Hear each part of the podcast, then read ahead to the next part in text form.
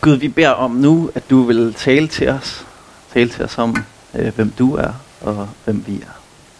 Amen. For øh, halvanden måned siden eller sådan noget, så skulle jeg jo øh, præsentere mig heroppe sammen med Bitten. Øh, fordi at øh, jeg skal være præst hernede. Og øh, når man sådan skal præsentere sig, så stiller man jo sig selv det spørgsmål, hvem er det egentlig lige, jeg er?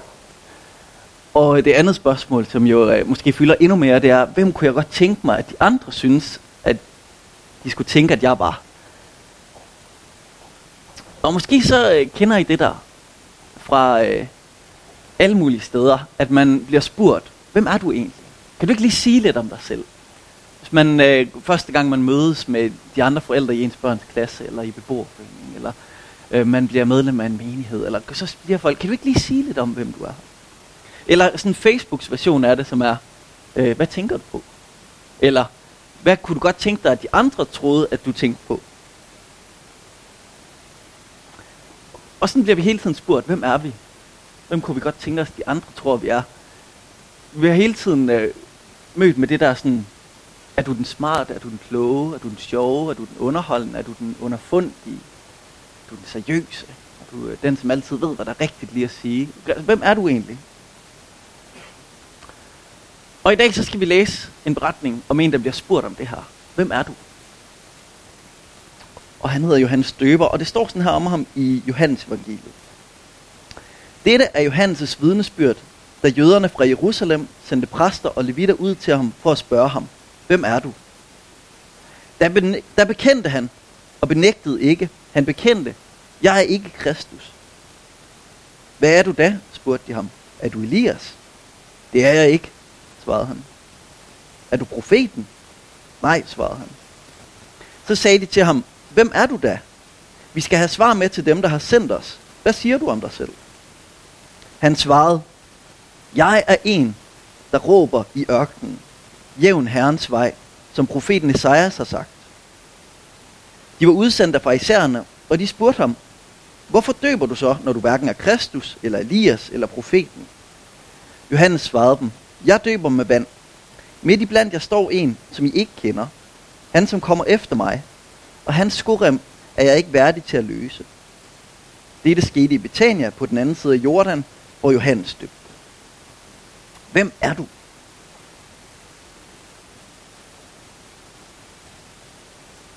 Han spurgte de Johannes, hvem er du? Det er godt nok et stort spørgsmål, sådan lige her op til jul. Der er sådan ret mange andre spørgsmål i spil. Øh, hvor mange æbleskiver kan man spise uden at få den i maven? Og hvornår kan man få snedet sig ud og købe den sidste julegave, øh, uden at der er nogen, der opdager det? Og øh, jamen, der er jo tusind ting, man skal have styr på. Hvordan får man øh, ens juletræ til ikke måske lige, helt at ligne det her over? Alle mulige ting skal man have styr på. Og så er spørgsmålet, hvem er du? Det er det store spørgsmål. Ja? Hvem er du?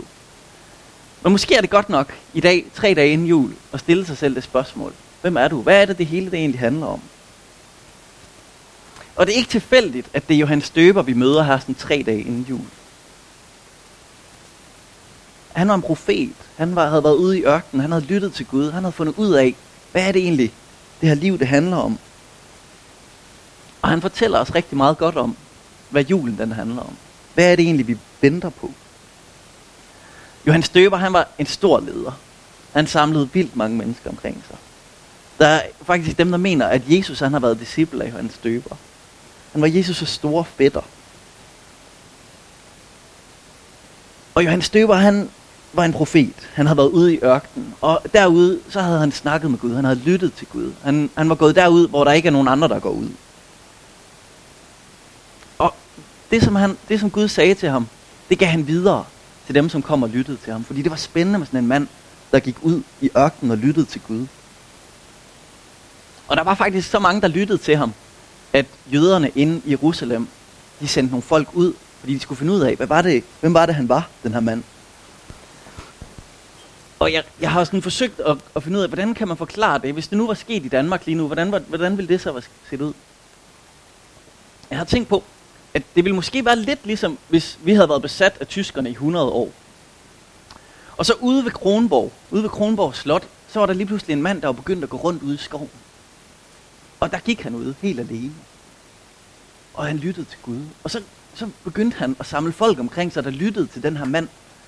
Og der var faktisk så mange, der samlede sig derude ved Kronborg, ude ved Kronborg Slot. Så at dem inde i København, de blev nødt til at sende nogen derud og spørge, er du Holger Danske? Er du Holger Danske, der er kommet, fordi vi stander i både? Er du den, som skal redde os? Hvem er du? Johannes Døber, han bliver spurgt, hvem er du? Og det første, han siger, det er, hvem han ikke er. Jeg er ikke Holger Danske. Jeg er ikke Kristus. Jeg er ikke den, der skal komme og redde jer. I forventer en, der kommer og redder jer, men det er ikke mig. Jeg er ikke Kristus. Og så bliver han spurgt, om han er Elias, eller om han er profeten. Det er sådan hovedpersonerne, som jøderne de kan forestille sig. Det er helteskikkelserne. Det, det er dem, de venter på. De venter på, at øh, nogle, der er nogle profeter i Gamle Testamentet, der har forudsagt, at Elias og en profet ligesom Moses og Kristus, de skal komme. Og når de kommer, så er det Herrens dag. Så skal der ske noget nyt. Så regner de med, at romerne eller tyskerne, eller hvem det nu er, de bliver smidt ud af landet. Så de spørger mellem linjerne, er du Holger Danske, eller er du en af de andre, som vi håber på, skal komme og redde os? Og det der sker, det er, at han bliver tilbudt den højeste stilling, han kan forestille sig. For en fyr som Johannes, der er der simpelthen ikke noget højere, han kan nå. Altså, det er toppen af stigen. Vil du være den største held, som vi har? Han kunne være blevet en enorm leder. Han kunne have samlet en kæmpe bevægelse omkring sig. Han kunne være blevet konge, han kunne have fået det halve kongerige, sikkert også en prinsesse. Altså han kunne have fået det hele. Han kunne have fået magt og indflydelse i langt højere grad, end han fik. Men det var ikke hans plads. Han blev fristet til at tage noget, som han ikke skulle have. Han blev fristet til at blive noget, som ikke var fra Gud. De kommer til ham, fordi de har brug for, at han skal opfylde alle deres forventninger. De har brug for, at han skal være deres redning. De har brug for, at han skal være deres Holger Danske. Men det var ikke Guds plan med ham. Og det vidste han. Han var blevet bedt om at få en anden plads af den. Han skulle ikke samle folk omkring hans lederskab og hans menighed og hans evner og hans familie og hans nådegaver. Han skulle noget andet. Og det kræver noget af os at sige nej.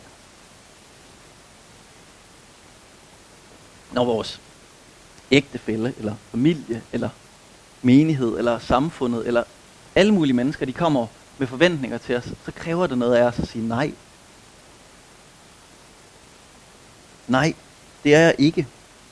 Jeg kan ikke opfylde alle dine behov. Jeg kan ikke redde dig. Jeg kan ikke gøre alle dine drømme til virkelighed. Jeg kan ikke give dig alt det, du ønsker. Jeg kan ikke, og jeg vil ikke.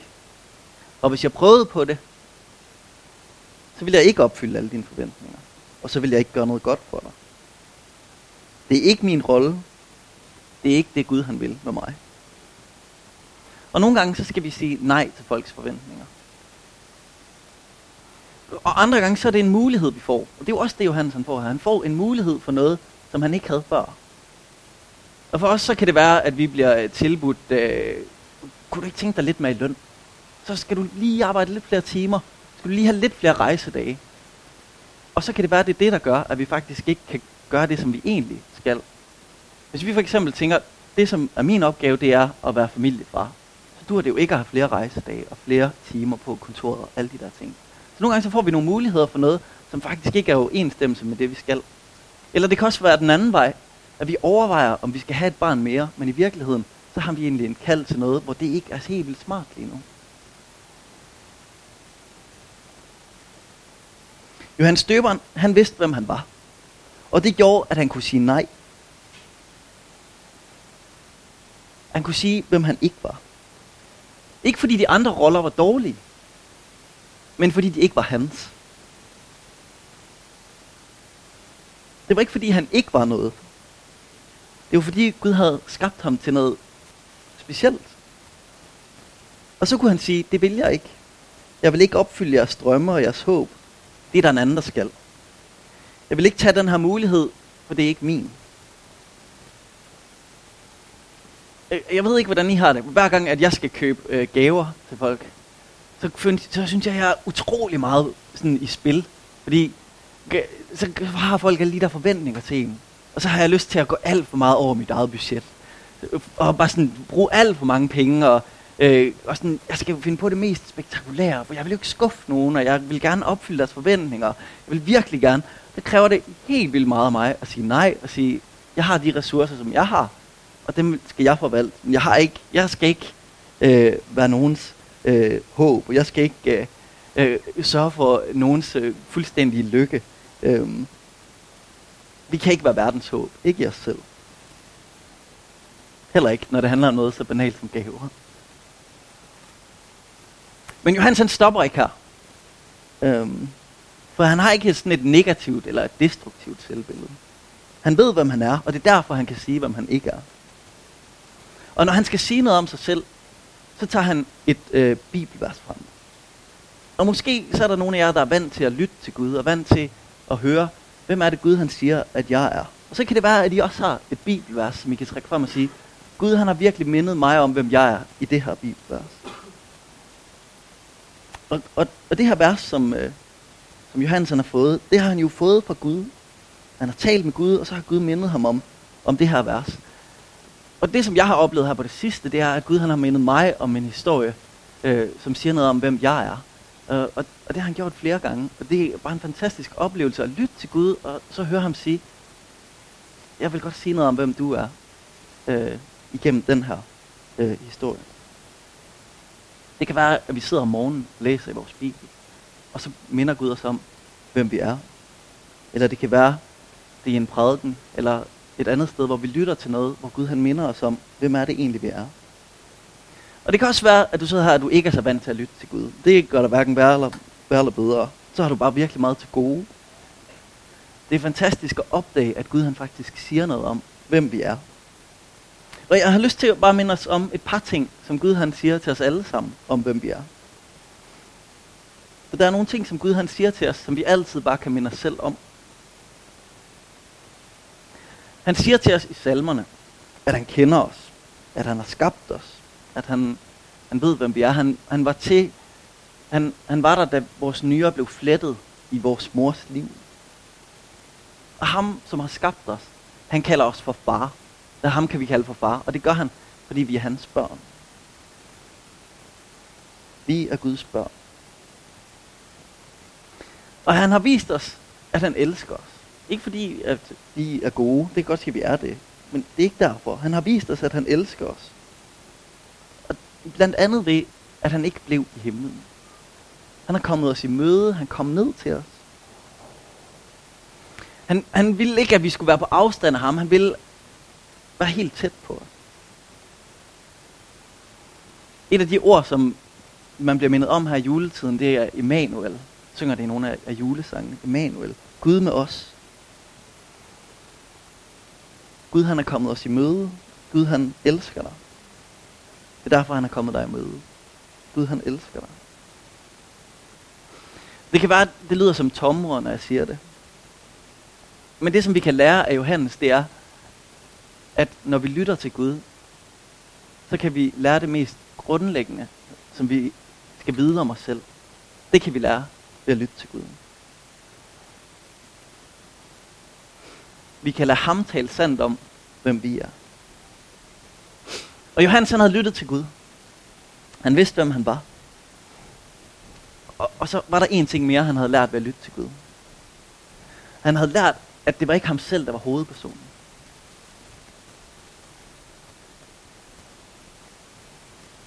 Han var ikke hovedpersonen i sit eget liv.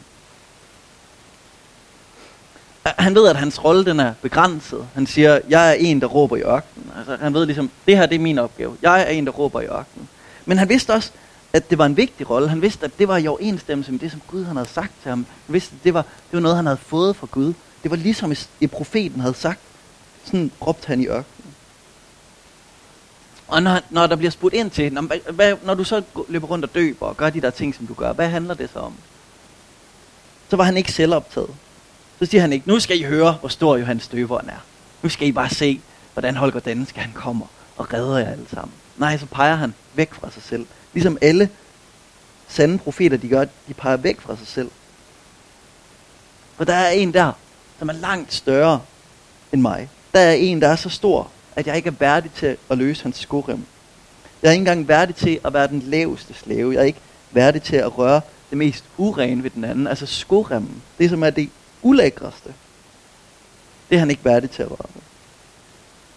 Og så, han ender med at sige nogle, nogle ord, som han er blevet meget kendt for.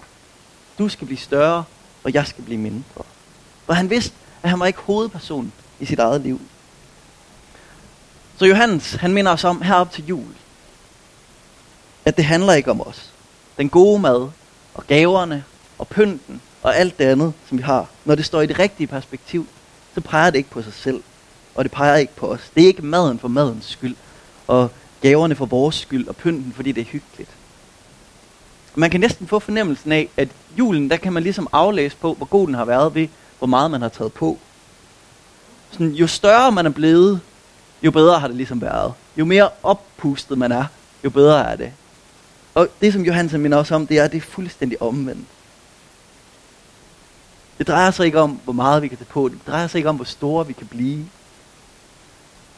Der er en, der er så stor, at han kommer os i møde. Der er en, der giver os den største gave, at kunne have fællesskab med ham. Og det er derfor, der er grund til at have fest. Det er derfor, at vi skal fejre ham. Det er derfor, vi skal lave den bedste mad, vi kan, og finde det flotteste pynt frem. Og fejre det med gaver, give hinanden gaver og være glade, fordi der er sket noget, som er så fantastisk, at der er grund til at holde en kæmpe fest. Ham kan vi ære med fest.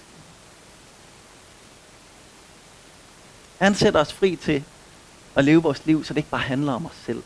Så det ikke bare handler om, hvor store vi kan blive, men hvor stor han er. Så vi lærer af Johannes Døberen at svare på det der spørgsmål. Hvem er du? Vi finder ud af det ved at lytte til Gud. Ved at sige nej til det, som ikke er fra ham. Og så ved at minde os selv om, at det handler om en, der er større end os selv. Vores liv, det drejer sig om ham. Glædelig advent. Og lad os øh, rejse os, så skal vi øh, bede lidt sammen.